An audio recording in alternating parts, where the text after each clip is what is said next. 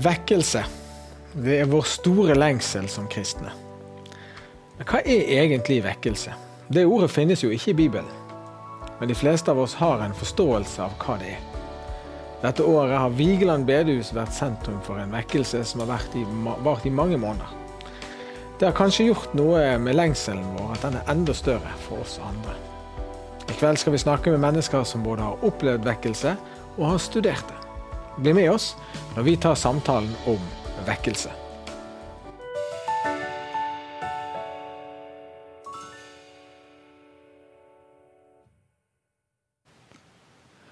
Da har jeg fått storfint besøk. Irene Krokeide Alnes, velkommen til oss. Tusen takk. Takk. Ja, du er veldig kjent for mange som sangevangelist.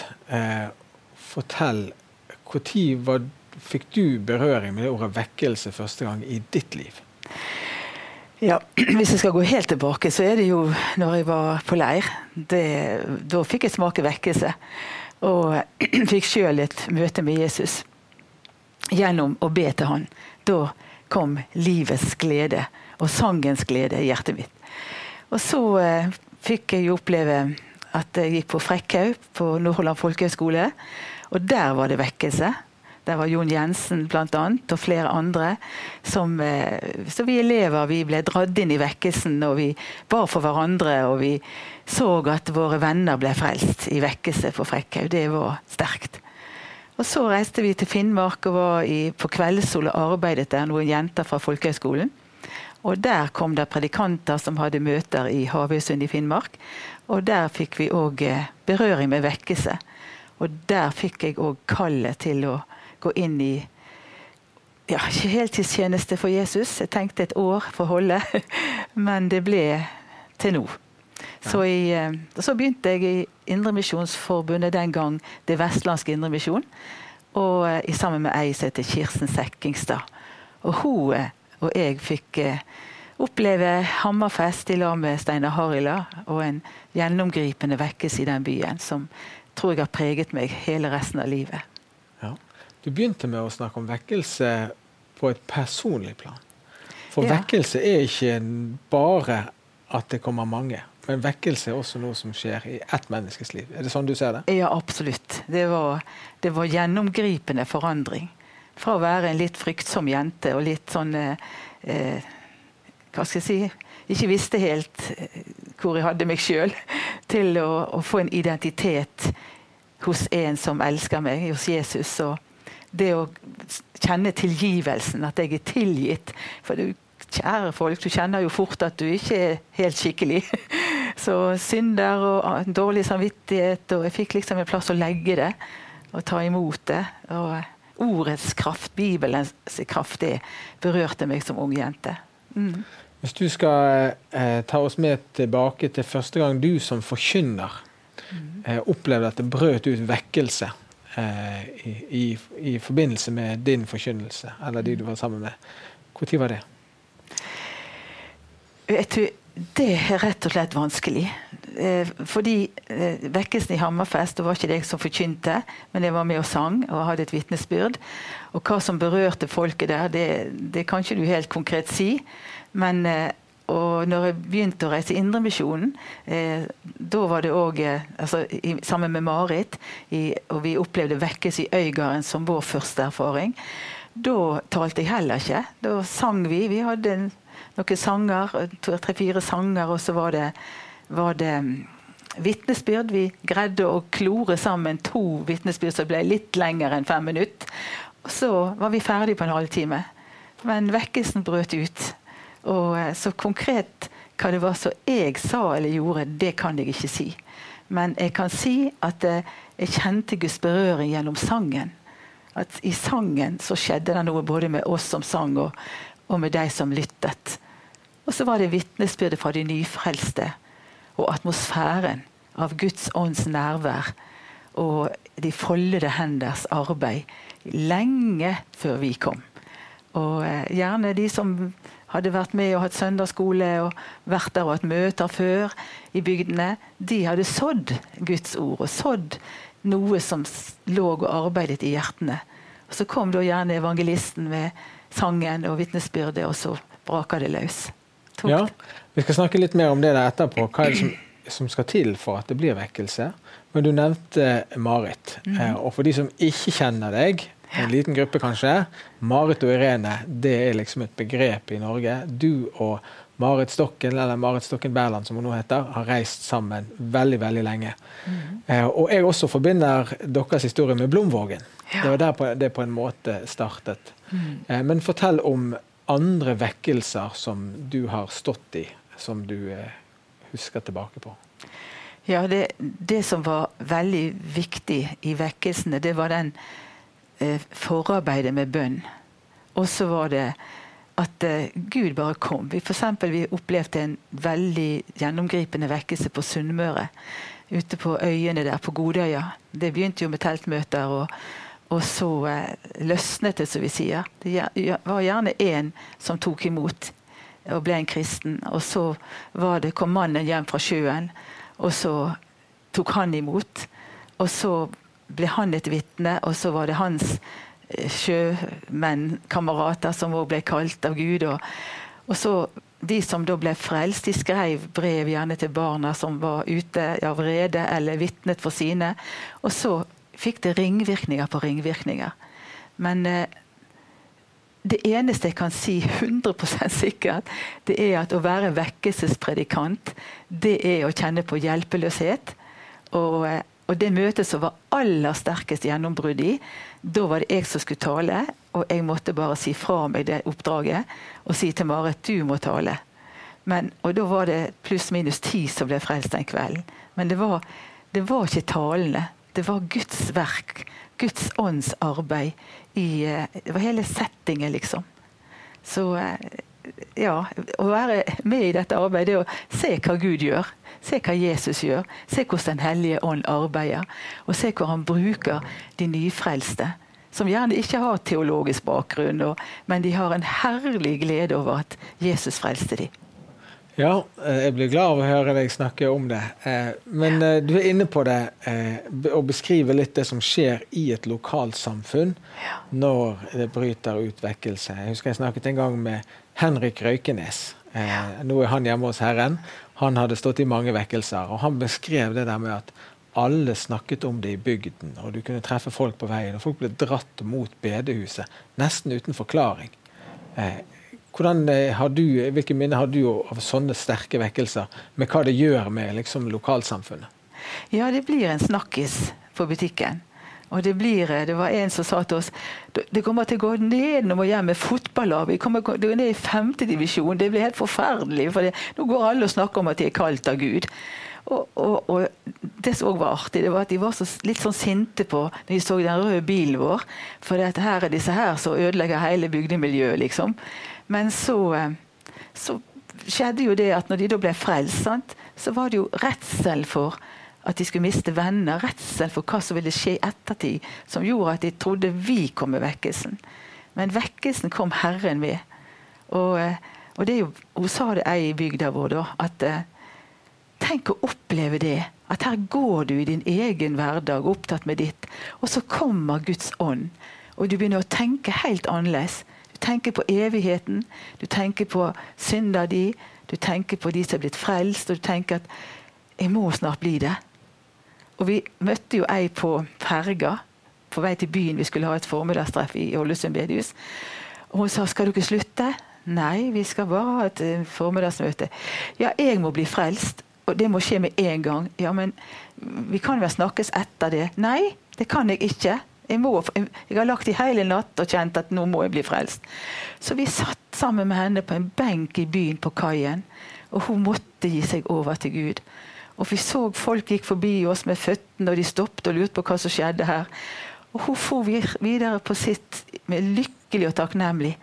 For det, det var noe så presset, som ikke mennesker kan klare, men som Gud gjør. Det er vekkelse. Fantastisk. Så inspirerende å høre på, uh, Irene. Vi skal straks få inn uh, to gjester til. Men før det, en liten sannhet om hva Gud kan gjøre fra Linda på Sanning samtalesenter. Se her.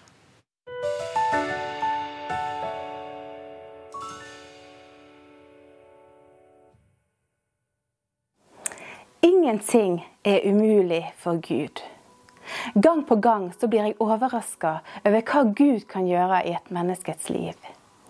Vi har mange gode verktøy for å hjelpe hverandre på det menneskelige plan, og de skal vi bruke. Men det er likevel noe helt spesielt når Gud griper inn og snur situasjonen 180 grader. Johannes' åpenbaring sier, Se, jeg gjør alle ting nye. Gud er mektig til å snu sjøl den mest umulige situasjonen og gjøre det vi mennesker ikke kan gjøre i oss sjøl.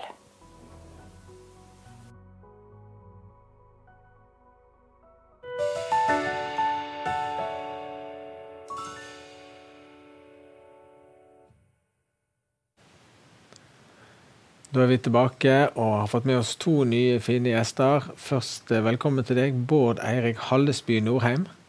Tusen takk. Og Kari Fure. Velkommen til deg. Bård, du er professor på NLA-høgskolen. Du er prest og har vært misjonær. Kari, du er journalist. Og vi gleder oss til å høre det dere skal eh, bidra med i denne samtalen. Men vi skal tilbake til Vigeland. Eh, for det har vi snakket om i dette programmet, og det har vært en snakkis hele dette året. Eh, og vi får et lite glimt fra det som skjedde på Vigeland tidligere i år. Se her. Det var i april at bedehuset på Vigeland ble for lite til å romme folkemengder som kom til vekkelsesmøtene. Snart var ingen forsamlingshus i bygda store nok, og det ble møter i den lokale idrettshallen. Der er det plass til 1400 mennesker. Verdinytt var til stede en søndagskveld i juni, og rett før møtet så snakka vi med evangelist Arthur Robertsen og med Geir Norum fra styret på bedehuset. Fredag var det kanskje 1200, og i går var det helt fullt igjen. Så kjempeflott møte i går. Og fredag òg. Ja, det var Det, det er sterkt å se. Mm. Altså, Sant til Hans at det kommer nesten full sal. Det, folk vil ha mer av Jesus. Det, det, det er fantastisk. For eh, varmebølge og sommerferietilstander og sankthans, som du sier, det har ikke vært til hinder for at eh, hallen har vært full? Nei, det, det, var jo godt og varmt i går, det var det. Men eh, samtidig så er det ja, det er så mange som har hørt om møtene, og mange som kommer her med forventninger. Så det har ikke vært noe problem å, å fylle opp uh, setene. Altså. Der vil jeg stå.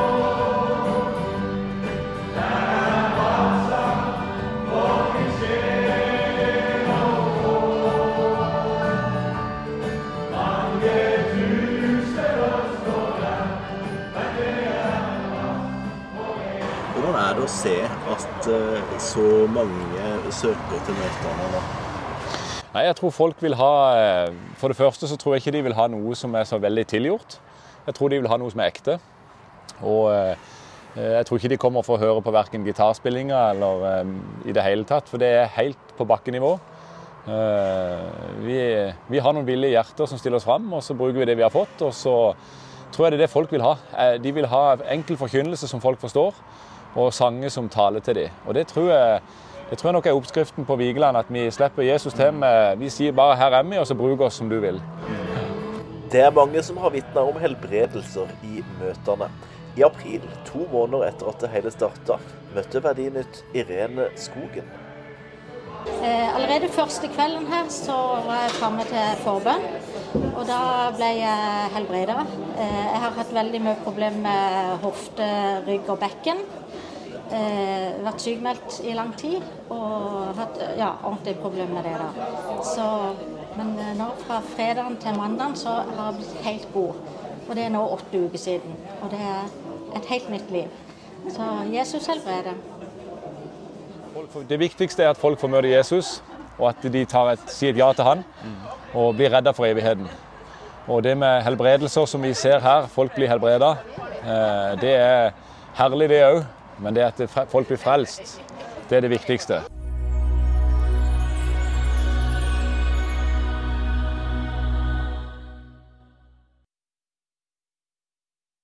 På Vigeland det var en reportasje fra våre venner i Verdinytt. Eh, og Jeg begynner med deg, Kari. Hvordan ser du på det som journalist, og den interessen som har vært rundt det som har skjedd på Vigeland i år? Eh, Dagen har hatt eh, journalister der i flere omganger, og vi merker stor interesse for det stoffet. Eh, og det tror jeg er altså de, de, treffer, de, treffer, en lengsel etter at noe skal skje. Og så virker det så troverdig, for det, det begynner på et traust bedehus. Eh, det er enkel musikk, det er ikke noe tilgjort. Og så ser en at uh, Gud handler, da. Og det er trusdyrkende og tillitsskapende. Og en får en følelse av at hm, kanskje her er noe Kanskje dette her er noe ekte. Ja, og et ja. svar på noe man har lengtet etter. Absolutt. ja. Så det er noe med at du trenger ikke få vekkelsen via en predikant fra USA. Eh, Gud eh, er stor, og Gud er overalt. Og Gud eh, kan handle på et eh, bedehus eh, i ei bygd i Norge. Ja, og de som studerer eh, kirkevekst og misiologi, og liksom hva hvilke triks skal man bruke for å nå andre med evangeliet? De må jo klø seg litt i hodet av det som skjedde på Vigeland. For ikke ligger der noe strategi bak det. Ikke er det noe spesielt ved verken fremføringen av musikken eller stilen eller noen ting. Det er ja, som du sier, veldig enkelt og sånn. Hvordan ser du på det? Nei, jeg tror uh, du Irene, kjenner deg igjen i, i dette her. Uh, at at Gud kan gripe inn eh, på et helt alminnelig bedehus, på et helt alminnelig møte. Eh, du trenger ikke noe veldig fancy opplegg. Eh, og så tror jeg det handler veldig mye om bønn. Er ikke sikkert det har vært noen strategi for hvordan skal vi skape vekkelse på Vigeland. Det var det nok mest sannsynlig ikke, men jeg tipper at folk har bedt. Og kanskje har de bedt lenge og så skjer det noe. Og det ser en som et mønster veldig mange plasser. Har du hatt 1200 eh, personer på møte noen gang på en vekkelse? Jeg har ikke telt. så det har vært det, ja, det som jeg tror, det er at når vi har hatt radiomøter, og vi har overført møtene på radio, da har det nok vært tusenvis som har hørt. Og vi har ettertid har opplevd at folk er blitt frelst, for de satt hjemme på badet med en liten radio og hørte på møtet. Ja. Mm. Men jeg lurer på om det med altså, dette enkle som han Arthur Robertsen understreker. Jeg tror det er noe som er spesielt egnet til å vekke troverdighet i Norge. Altså, vi liker ikke det litt sånn danderte, tilgjorte.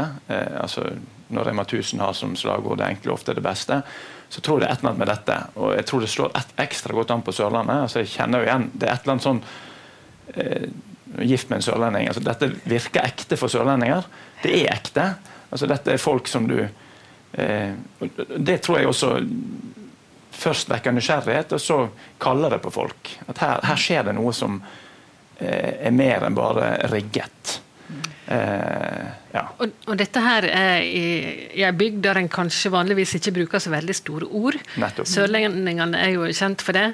Og plutselig står de her og deler sine vitnesbyrd om helbredelser, sånn som vi så denne dama som gjorde, som hadde hatt store plager lenge. og Plutselig så har hun levd i ukevis uten å ha fått et helt nytt liv. Og Da begynner vi å nærme oss noe. Da, blir, eh, da tenker jeg folk blir nysgjerrige da og tenker at kanskje dette er Gud. Kanskje, Kanskje Gud så, rører seg på Vigeland akkurat nå. Men så er det fascinerende at han på en måte toner ned dette med helbredelse. Sant? For det, det, viktigste er det Jesus gjør, og at folk blir frelst. Ja. Det tenker jeg også en sånn, det er med å skape trygghet hos folk. altså Dette er ikke bare liksom et eller annet sånn helbredelsesshow. Vi takker for de helbredelsene som kommer, vi tror at Gud kan gjøre det. Men først og fremst så er det Jesus. Ja. Det, det, tror jeg treffer en sånn nerve, kanskje til og med et jordsmonn som finnes. Eh, både på Sørlandet og en del andre steder. Det tror jeg du har rett i. Ja. Så er det kanskje noe med dagens mediesamfunn og den mobiliteten som er i, hos, i samfunnet i dag, som gjør at så mange mennesker kan dras til et sted. Ja. Altså, det var ikke sånn på, på vekkelsen på Godøy at folk kom fra Finnmark og Kristiansand for å være med på den vekkelsen, kanskje. Nei. Det er liksom typisk for den tiden vi lever i, at når det har vært tørt lenge, og så endelig tar det fyr, så dras vi veldig mot det stedet. Ja, det som vi opplever jo mye da, det var at eh, folk kom til møte. Ja, det er nå bare to jentunger som står der og synger. Det kan jo vi jo klare. Og så kommer de på møte, og så møter de Guds ånd. De møter Jesus. Og de blir jo helt uh, overveldet over hans berøring. At uh, plutselig så er det meg og Jesus og ikke alle rundt meg. Det er noe av det som vi og preger vekkelser. Og vi var faktisk en plass der eh, det skulle komme noen journalister og, og, ta bilder og se. Og de vågte seg ikke inn i bedehuset. De sto på dørstokken og tok bilder. For de skjønte det var noe, noe en kraftsenter eller et eller annet som skjedde. Så det var Ja, det, er, det å få med Gud å gjøre i en vekkelse, det kan føre til mye spennende. Er det kanskje noe fellesnevner med eh, Du nevner enkelheten og det, og det upretensiøse ved det som skjedde på Vigeland, og Marit og Irene, disse to jentene. Eh, og så bryter vekkelsen ut. Det er kanskje noe der som vi trenger å legge litt mer vekt på. Altså, jeg tror Gud kan handle i eh, alle situasjoner. Mm. både i store, fancy møter og på et lite bedehus. Men eh, jeg tror du, Bård, har veldig når du sier at dette her taler til oss. Vi føler at dette her er troverdig, for jeg vil se det nedpå. Det er ikke et strigla møte med, med, en kjøreplan der alt skal være perfekt. Dette her er helt alminnelige folk med helt alminnelig bedehusmusikk. Det har jo vært nevnt at musikken er så traust. Altså dette her eh, det er jo mange som har veldig sterke meninger om musikk og om lovsang og hva som funker og ikke funker. Ikke sant? Men dette her er helt nedpå og alminnelig, og likevel så virker det på forunderlig vis. Men budskapet i sangen har vi merket. Nå har vi jo sunget noen sanger i alle disse år. Men ordet om korset, skildringen av det Jesus gjør for oss, det tar Guds ånd tak i. Enormt. Vi har sett folk bli helbredet under sang, og folk har sett seg frelst på budskapet i sangen. Og det ser vi jo vi, Hvis vi går inn i tekstene som synges på Vigeland, så er det til kjernen i tro og til kjernen i, i Guds budskap for å nå mennesker. Du spurte før sending hva du skulle tituleres som, og da kom det veldig raskt fra deg at du er sangevangelist. ja, det gjorde det. Hvorfor er det så viktig for deg å være sangevangelist? Jeg vet ikke, men eh, det kom en sang i mitt hjerte fra jeg møtte Jesus som jentunge på leir. Det synger inni meg omtrent hele tiden. Mer eller mindre. Så, eh, og det å Første gang jeg var med og sang offentlig, da sang vi den sangen på skolelaget. Her under korset kneler jeg ned. Denne med at vi lager et kors med lys. Og så, og så leser vi et bibelord. Og Mitt bibelord den gang det var der menneskene lodd en gang å dø, og deretter dom'. Og Det skremte jo vettet ut av meg. Men så skulle vi synge 'Her under korset kneler jeg ned'. Og idet jeg knelte ned med lysene sånn skulle holde sånn at det ble kors, de andre og jeg i lag, da her under korset finner meg fred. Hva som en møter meg, hva som en skjer. Så sangen trykker liksom budskapet litt lenger inn på melodien eller og da ble det min sang. Ja. Bård, jeg eh, introduserte deg med hensikt med ditt, eh, dine to etternavn. Ja. Du heter Hallesby Nordheim. Mm. De som kjenner sin kirkehistorie, de vet at eh, din oldefars navn det er skrevet med store bokstaver. Ja. Eh, fortell om han. Ja, jeg skal ikke gå med helt vill, men altså, Ole Hallesby, som var min eh, oldefar, eh, var kristenleder og professor i teologi etter hvert. Eh, og Kjent gjennom, for folk kanskje først gjennom, gjennom bøker. Um, og Det som jeg tenker er interessant i forhold til det som har med vekkelse å gjøre, er at den boken som nok flest har lest eh, fra bønnens verden, den starter med et sitat fra Johannes' åpenbaring 3.20. Se, jeg står for døren og banker. Uh, og Det tror jeg er ganske sentralt i hans teologi om vekkelse. At det er utgangspunktet for vekkelse er et at Gud kaller. At Gud ønsker å ha fellesskap med, eh, med mennesker. Eh, og så er jo hans vekkelsesfortelling en fortelling om at han når han kom hjem til Aremarka til Hallesby, der han ble vekt, så gikk han ikke til storgården og til sin far, men han gikk til Jørn. Til denne enkle altså Han som var på en måte jobbet på gården, og dette enkle huset. Og Det har jo på en måte sildret ned i familiehistorien også, altså fortellingen om eh, dette å komme til Jesus og komme til seg sjøl, det skjer ofte når ting er strippet ned i en viss forstand. Sant? Og sånn sett er det kanskje en, en eh, linje også til det som skjer i Vigeland. Det er mye mer en kunne sagt om uh, Ole Hallesby og uh, altså, bygging og skolevirksomhet og sånne ting, men i forhold til vekkelse så tenker jeg kanskje det er det interessante. Og at Ordet vekkelse forutsetter jo også, og det er sentralt i hans teologi, også hos Hans Nilsen Hauge, at det, det, er noe som kan vekkes. altså Det finnes noe som slumrer eller som sover.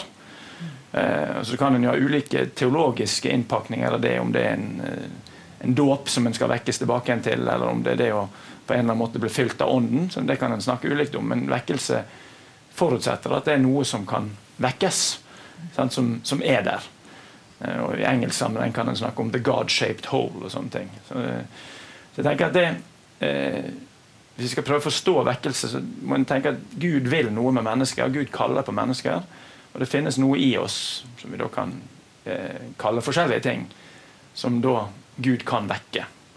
Eh, det, ikke, det, var ikke noen motsetning for han eh, å stå i vekkelse og være akademiker, professor. Altså, nå snakker vi akkurat om Vigeland, som er veldig lite akademisk. Mm. Eh, men, men, eh, men, i hans tilfelle var det motsatt. Han var begge de to tingene. Ja. Hva tenker du om det? Jo, det tenker jeg er Altså, jeg vet ikke om han eh, valgte altså, Jeg tror ikke han tenkte at han måtte velge det ene foran det andre. Det finnes jo noen spenninger her, men uh, for egen del også så uh, Jeg har jo vært misjonær i, eller Vi har vært misjonærer i Estland. Og For meg er det ikke noe konflikt i det. Altså, det går an å se på ting både fra utsiden mer og analysere. og Det går an å leve seg inn i ting fra innsiden. og det kanskje jeg har lært mest, mest, om i forhold til vekkelse, har jeg faktisk fra tiden som misjonær i Estland, både på starten av 90-tallet og i litt lengre runder på 2000-tallet. Eh, for da var det en voldsom vekkelse. Det kom en stor omveltning. Altså denne vårløsningen som kom når eh, Sovjetunionen falt sammen, som førte til at kirkene ble stappfulle. og eh, Det du hadde bedt for i under motstand og sterk forfølgelse, det som du ikke hadde trodd på, kom liksom. Eh, og Det som var fascinerende da å møte kristenledere, det var en sånn blanding av begeistring og en litt sånn sober tilnærming til det. Der de sa at Kritisk så sa de at hvis alle de som liksom skulle være frelst og være på kamera til amerikanske og kanadiske evangelister, så Estlands befolkning ble frelst tre ganger. Så de var litt sånn kritiske til liksom show-siden ved det. Og Samtidig så var de veldig takknemlige for alle som hadde kommet til kirken og sa da følgende at dette er vi takknemlige for, men nå begynner jobben. Og det tenker jeg at eh, vekkelsen lever i en, et samvirke med den eh, daglige omvendelse og den daglige byggingen av menighet og trosliv. Som jeg tenker er helt avgjørende. Så det, det ble ganske pregende for meg, både at jeg valgte å studere teologi og senere ble prest, og etter hvert professor at en har denne forståelsen at av og til gjør Gud ekstraordinære ting, og det skal vi be om å være åpen for. Men eh, det lever i denne daglige, jevne pulsen. Denne samtalen lever også. Vi skal ta en veldig kort pause før vi fortsetter. og I mellomtiden så får du litt reklame der hjemme.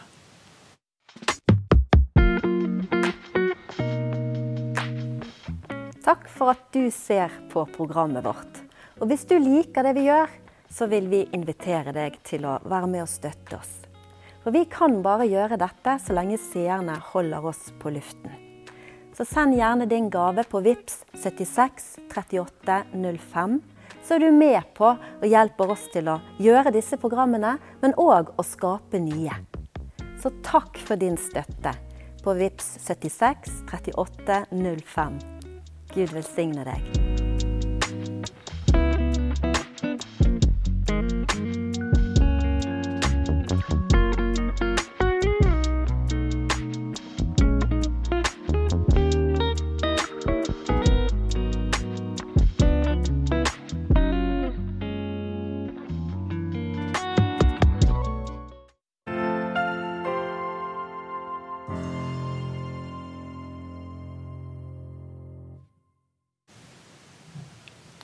Ja, vi er tilbake, og jeg eh, går rett til deg, jeg, Bård. Eh, vi eh, alle i Norge kjenner til Haugevekkelsen, mer eller mindre. Jeg har hørt følgende påstand, du kan jo være enig eller uenig, men det var at Norge ble først kristnet på alvor i forbindelse med Haugevekkelsen. Hva tenker du om det? Det er jo vanskelig å måle, men det en i hvert fall kan si noe om, er at eh, en kan se etterdønningene etter den vekkelsen den dag i dag, om det er i, i konkrete bygder og det vi snakket om med jordsmonn i sted, om det er industrieventyr på Sunnmøre og mange andre steder, eller om det er et engasjement som en kan finne overalt, som går på altså, Helt fra Hauges kalsopplevelse til denne eh, fokuset på det nøkterne, det nøysomme og, og, innsatsen for nesten. Så klart, eh, Betydningen den kan ikke undervurderes. Det som jeg har lyst til å fokusere litt på, eh, uten at jeg er noen sånn veldig Hauge-ekspert, det er at dette skjer jo samtidig med at det vokser fram en ny sånn frihetsforståelse i Europa. Eh, og Hauge blir jo sånn sett en figur som viser fram hvordan etablerte autoriteter kan utfordres. Sant? og jeg tror at dette frihetsmotivet i vekkelsen er ganske viktig. Altså Når jeg eh, hører beskrivelsen her, så er det noen sånn det kommer opp en ny frihet. Ofte i kristne språk vil beskrive den som at jeg får lagt av med synder og jeg opplever at jeg blir fri framfor Gud. Men det kan også være en sånn frihet til å arbeidslivet mitt ser annerledes ut, familielivet mitt ser annerledes ut. Jeg kjenner at det, jeg puster fritt, jeg er ikke tynget ned. Altså en, en, en vekkelse er en, eh, et kall til frihet.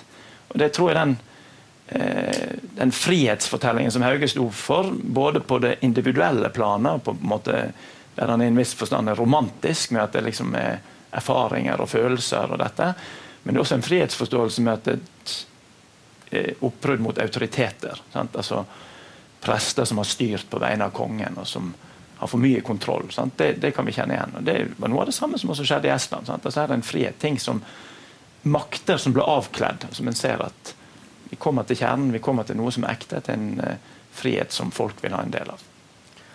Du er litt inne på det. Konsekvensene, virkningen av det som skjedde med Haugevekkelsen, de lever vi fortsatt i dag, eh, veldig mange år etterpå. Det fører meg over til deg, Kari. fordi at Du skrev en artikkelserie som gjorde veldig inntrykk på meg tidligere i år, fra vekkelsen på Stadlandet. Og Der følger du også familien Dalsbø. Men først, fortell oss kort om vekkelsen på Stadlandet. Nei, Det er en av de kjekkeste sakene jeg har jobba med. Det var veldig fascinerende. Eh, og det begynte Det har eh, likskapstrekk med vekkelsen på Vigeland. Det begynte i, i det små veldig traust. Det begynte i et skolehus i Hoddevika på Stad. Eh, og det var eh, bønder og fiskere som kom der med sine barn. Det var et familiemøte. Og det var to unge sangevangelister som sto der. Og jeg lurer på om de ikke brukte den samme sangen som du viste til her i stad, med, med, korset. Og de hadde iallfall et kors som sto framme med lys på. Eh, og så sto disse to damene der og sang, og så ser de at disse, noen av fedrene begynner å gråte eh, trauste fiskere og bønder fra Stad som ikke har det med å gråte tid og utide. Det er ganske tøffe karer. Um, og så, så, begynner det der. Og så sprer det seg eh, den vinteren for 51 år siden. Eh, de, må, de, flytter over til kirka på Stadland, og så flytter de ut i et kapell i Ervika. Og så ruller det og går, og folk blir frelst. Men, men det er også mange som eh, holder igjen veldig lenge. De vil absolutt ikke gå fram og bøye kne. Eh, men så skjer det likevel, da. Og hun eh, Jorunn Glomnes var en av de som disse sangevangelistene. da. Hun er nå en voksen dame. Og Hun forteller at de sto der og var helt sånn månebedottende med gitarene sine og så på det som skjedde. altså de sier Oi, der gikk han òg fram og bøgde kne. Og de følte ikke de hadde gjort noe som helst, men det bare skjedde. Og de tenkte at dette her må være Gud. Um, og så så en seinere, da Jeg fikk intervjue flere av de som opplevde vekkelsen. Uh, og jeg tenkte at det ville kanskje ikke bli så lett når jeg skulle snakke med dem. For det at folk vil nå gjerne ikke snakke om det mest personlige, og jeg tenkte at de ville vegre seg. og sånn. Men de, de snakket i vilden sky og ville så gjerne dele det de hadde eh, opplevd. Og de fortalte meg en historie om hvordan eh, ringvirkningene etter vekkelsen på Stad den levde videre. altså Det prega familier gjennom generasjoner. Så skrev jeg en ny sak om, om familien Dalsbø Eh, de hadde seks sønner. Alle var kristne, og etterkommerne deres også. Og Det som også fascinerte meg, det var hvor fort disse her de som kom med i vekkelsen, fikk en nød for at uh, dette måtte føres videre til etterkommerne. Så de engasjerte seg voldsomt i å bygge et leirsted litt lenger inn i fjorden, sånn at ungene skulle ha en plass å reise på leir og høre om evangeliet og få kristne venner. Og så var jeg I påska så var jeg på en jubileumsbasar på det leirstedet som heter Fjordli. og Der satt en av de som, som kom med i vekkelsen, eh, nokså eh, motvillig, men han kom med og ble eh, frelst. Og så sitter han der med sine barn, barnebarn, oldebarn. Alle er samla på Fjordli. Det var fantastisk å se. Ja, og det er dette jeg tenker vekkelse handler om. Fordi at eh, det som skjedde på Stadlandet, det eh, berørte jo enkeltpersoner, familier, og så varer det i generasjoner. Sånn at vi, Du møtte familien Dalsbø, og vi har hatt her i studio flere eh, familiemedlemmer i familien Dalsbø som kanskje ikke hadde vært her som pastorer eller som forkynnere hvis ikke det var for at noen bøyde kne den gangen på Stadlandet i 1972. Hva tenker du om det? Nei, jeg tenker at det, eh, det er stort. Um, en sier jo at Den kristne kirke eh, spissformulert er bare en generasjon uten utryddelse. For du er helt avhengig av å levere eh, de gode nyhetene over til neste generasjon. Du må, du må gi det til ungene dine og til de som kommer etter. Um, så det er noe av det viktigste vi gjør. Eh, og gi det videre til, til barna våre. Da. Og Derfor så eh, gjør det meg eh, frustrert og fortvila når jeg leser i dagen om NLM, som har Vi hadde en reportasje nå for noen dager siden. NLM Ung har masse ungdommer som vil reise på leir, men de har problemer med å mobilisere min generasjon, da voksengenerasjonen, til å stille opp som ledere. Så derfor må de avlyse leirer. Og det syns jeg er, er, trist å lese. da. Så vi har et stort ansvar. Ja. Vi kan ikke bare syte og klage over at ting går feil vei, vi må ta et tak. Det er helt sant. Ja. Irene, når hun forteller om disse to sangevangelistene på, eller evangelistene på Stad, mm. eh, som sto og, og var vitne til noe som, de, mm. som var større enn de sjøl, kjente du deg igjen? Jeg kjente meg veldig igjen. Eh, det er ikke mange år siden Marit og jeg var på eh, i, i en vekkelse der det var de unge som kom. Og det som var så artig, det var at det, det, de tok over møtet sjøle. Marit og jeg ble sittende på en benk i ettermøtet og se hvordan de unge ba for hverandre. Og, og, og jeg hun hadde et vitnesbyrd hun hadde så lyst til å dele, men hun kvidde seg. Og så sto venninna ved siden av. 'Dette klarer du! Dette klarer du!' Og ja, ildsjelene blir tent. Gud tenner ildsjeler. Og det, det er noe av vekkelsens særpreg. Og så en annen ting som vi gjerne ikke har snakket om, det er at Gud har hatt et forarbeid hos de som blir frelst. Han har hatt et forarbeid gjennom bønn. Og han har hatt et forarbeid ved at han har kallet på dem i forskjellige situasjoner. Og jeg husker en han kom sjøveien til oss der vi bodde, og banket på døren. Han var en av de mest kjente skipperne og flinkeste. Men han orket ikke at noen skulle se at han gikk og ba om hjelp. Men han sto på trappa og gråt og sa 'jeg må snakke med disse to jentene'. Og da fortalte han det, at han hadde vært ute i et forferdelig uvær på sjøen. Og han hadde sagt til Gud hvis du fører oss til lands, så skal jeg gi meg over til deg. Og de berga båt og mannskap. Og han hadde i alle år etter det kjent kallet. Jeg har ikke gitt meg over. Gud har holdt sitt løfte, men jeg har ikke holdt mitt. Og Der sitter nok mange som hører på oss, som kanskje har gitt Gud et løfte. Men de har ikke svart han. På, ja, Hvis jeg kan si noe eh, dette med bønn. I alle bygdene på Stad, der som denne vekkelsen eh, brøt løs, der hadde det vært eh, gamle som hadde bedt i årevis før det faktisk skjedde. Mm. Så det ser ut til å være et fellestrekk mange plasser. Da. Ja, det spores tilbake til bønn ofte. Mm. Det, det som skjer. På tirsdag hadde vi en gjest her i Live med venner eh, som het Liv Ødberg. og Hun eh, Eh, beskriver at hun var kalt av Gud. Eh, men hver gang noen snakket med henne om Gud, så nektet hun for det. Altså, på utsiden så, så hun ut til å være overhodet ikke kalt av Gud. Ja. Men så hadde det pågått over lang tid noe inni henne. Du har møtt mange mennesker som har en sånn historie, tenker jeg. Det er veldig, veldig mange. Det er veldig mange som, som er overbevist om at det, Jesus er frelseren. Jeg må gi meg over. Jeg må til himmelen. Det er to utganger av døden.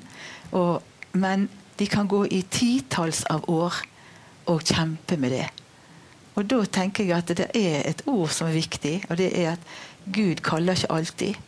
Så når, når en kjenner seg likegyldig og kald og ikke bryr seg, så er det fordi Gud ikke kaller. Men når han kaller, da kjenner du, det, og vet du hva det er. Så eh, det er en veldig nød for meg at eh, når nådens tid er der, så må en ta imot.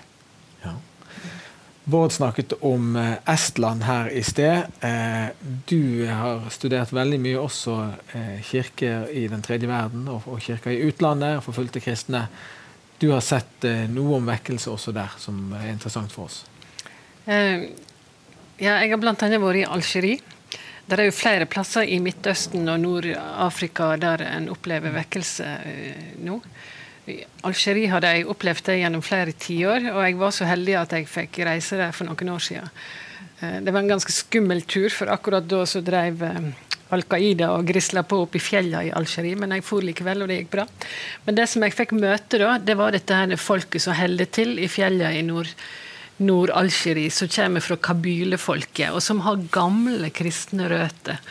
Helt på begynnelsen av kristenhetens historie. Men så kom islam, og de ble eh, konvertert etter hvert. Men så finner de tilbake til disse røttene sine. Og, eh, og ting skjer tilsynelatende helt ut av det blå. Folk møter Jesus i syne og drømmer, de deler med hverandre, og små menigheter oppstår. Og de har jo ikke tilgang på en pastor, så da får du være pastor, da. Eh, og, og, så, og så vokser dette her. Eh, men de har også opplevd en ganske hard forfølgelse, så de setter folk i fengsel nå, og, eh, og myndighetene har stengt veldig mange kirker i Algerie de siste par åra. Mange har sikkert hørt om vekkelsen i Iran, som regimet opplever som en stor trussel. Um, det har jeg ikke vært, men jeg har vært i, i Syria og i nabolandene. Uh, og der skjer også en vekkelse blant syriske flyktninger.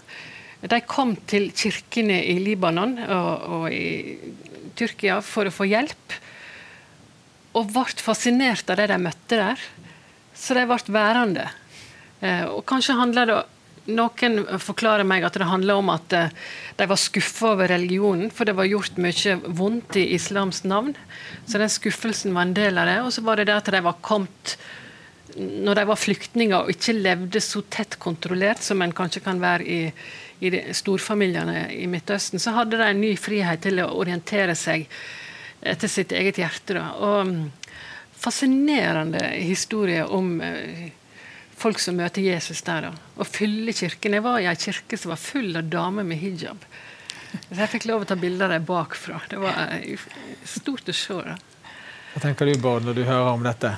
Nei, altså, Jeg begynte faktisk å tenke på eh, apostelgjerningene 2.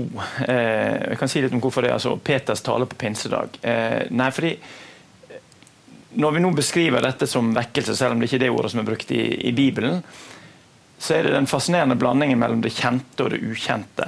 Eh, altså Det er noe ukjent ved at Gud kaller meg så sterkt, men samtidig så sier du dette folket som har kristne røtter. eller Det er et eller annet her, det er kanskje et, eh, en eller annen lengsel, noe som er der.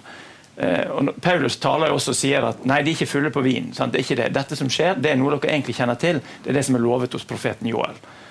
Eh, eller når, i en litt mer eh, hva skal vi si, setting der det jødiske er mindre kjent, når Paulus taler på Areopagos, så finner han dette alteret for en ukjent gud. Så jeg tenker at alle sånne om vi kaller det evangelisering eller vekkelse, altså når kristen troen eller folk blir kalt til Jesus, så er det i dette spennet mellom at det er noe som er helt nytt, som kommer utenfra, og som gjør noe som vi ikke kan gjøre oss sjøl, som treffer et eller annet som finnes som et minne, kanskje i et folk, eller som finnes som et, en lengsel eller en, eh, en drøm i enkeltmennesker. Eh, akkurat det syns jeg er fascinerende. og Det er jo noe av det sterke med kristentroen. Denne eh, evnen den har til å slå ned på ulikt vis på ulike steder til ulike tider.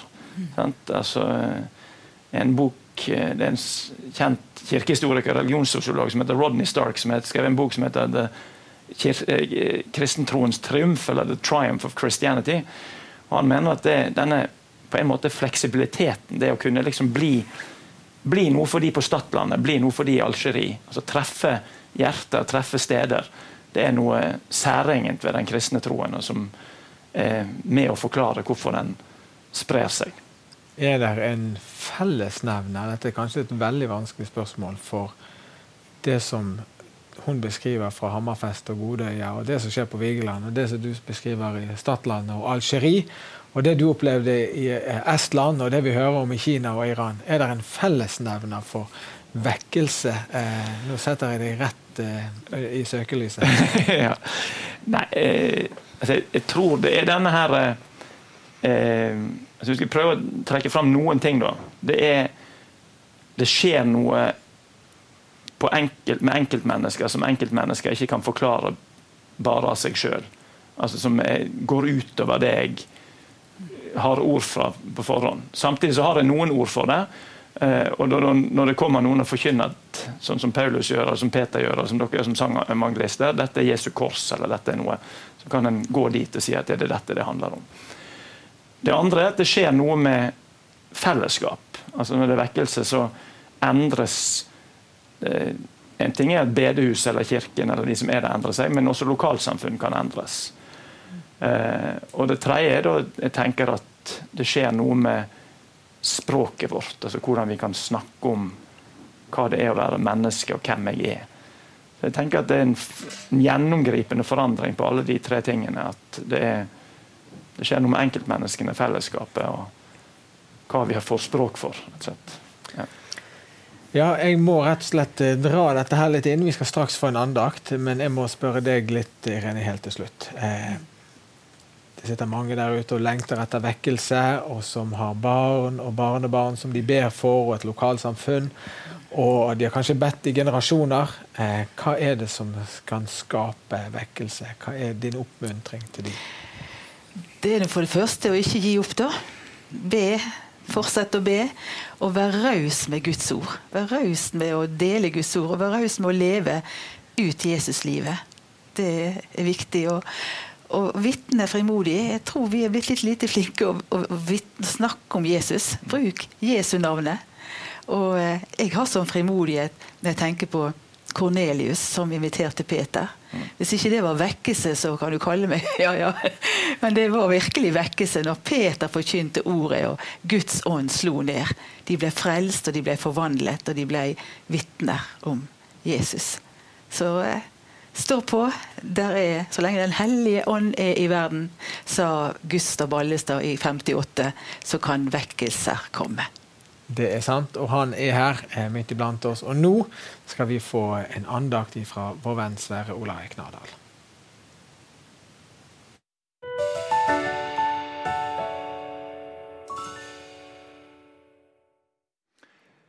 Vekkelse det begynner med å forstå hvor mektig og hvor kraftig Gud er.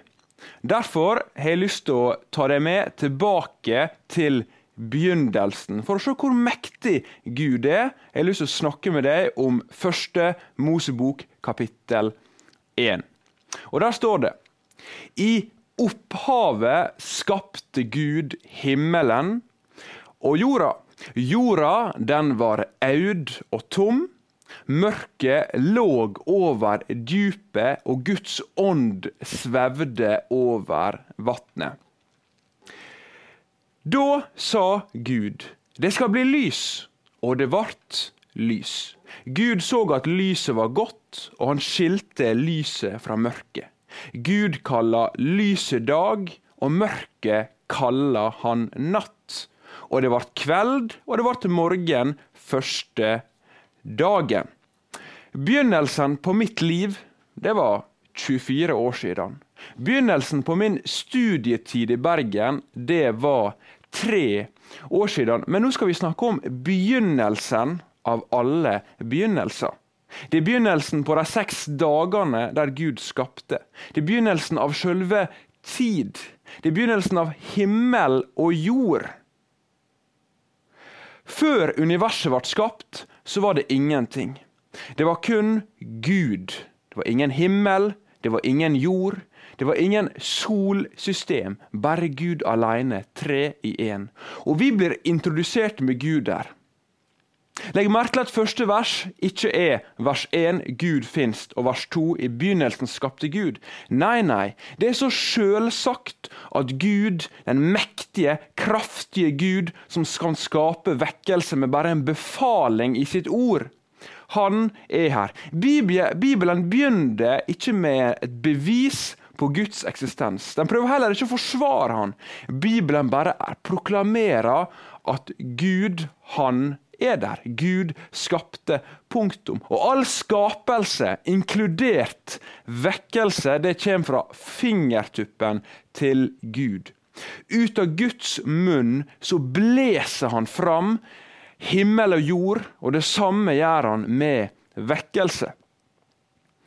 Bara på hebraisk betyr skapelse ut av ingenting. Alt er skapt. Men Gud, han er uskapt. Vi mennesker vi må ha materiale for å, å dele for å lage noe. Men Gud han har ingen materiale han går ut ifra her. Han bare skaper med sin ubegripelige kraft og styrke. Det er en uendelig genistrek. I sitt sinn så ser han for seg alt. Og så befaler han ut sin visjon, og ut kommer et univers. Gud sa himmel, og der kom det en himmel. Gud sa jord, og der kom det ei jord. Og på samme måte så funker det sånn med vekkelse. Gud, han sier vekkelse, og det kommer vekkelse. Vi burde ikke tvile på at det skal komme. Fordi vekkelse det er en raud, raud tråd gjennom hele Bibelen. Ingenting kan komme av ingenting, men vekkelse det kan komme av Gud. Og Det står her at i starten så sier Gud at det skal bli lys, og det ble lys. I 1. Timoteus så står det at Gud bor i et lys dit ingen kan komme. Gud bor i et lys der ingen kommer. Han skaper noe her på første dagen som reflekterer seg sjøl. Og det er tilstanden til alle mennesker. Vi kan ikke komme dit Gud er. Derfor så sender han sin egen sønn på jorda. Og Jesus han forkynte evangeliet, han gjorde tegn og under, og vekkelse skjedde. Og nøkkelen er han stoler på sin far. En far som er full av kraft, full av makt. Og det samme må vi gjøre i vekkelsen, som garantert kommer til å skje. Fordi vi skal være et folk som stoler på den mektige Gud, som når som helst kan befale vekkelse. Spørsmålet er er du og jeg klare.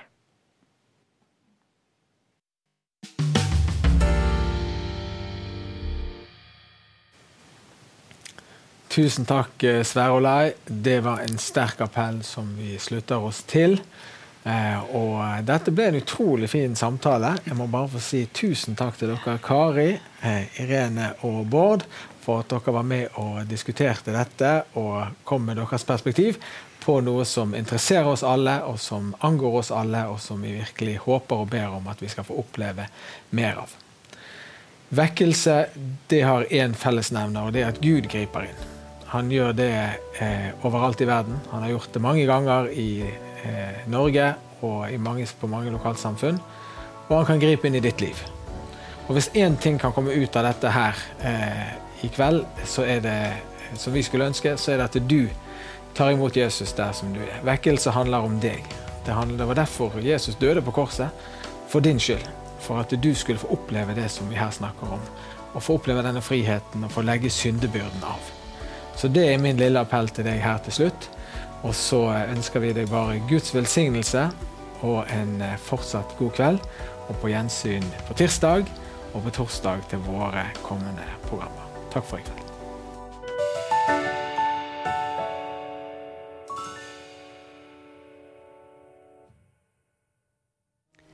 Noen ganger handler samtalen om tema som kanskje treffer oss på en måte som gjør at det blir litt vanskelig å bearbeide sjøl. Da kan det være godt å snakke med noen andre om det. Det fins heldigvis trygge, gode kristne samtaletjenester rundt omkring i landet. Og Her kommer det en liste over dem, så du kan ta kontakt, og de vil ta imot deg om du har et behov for å prate i etterkant av samtalen.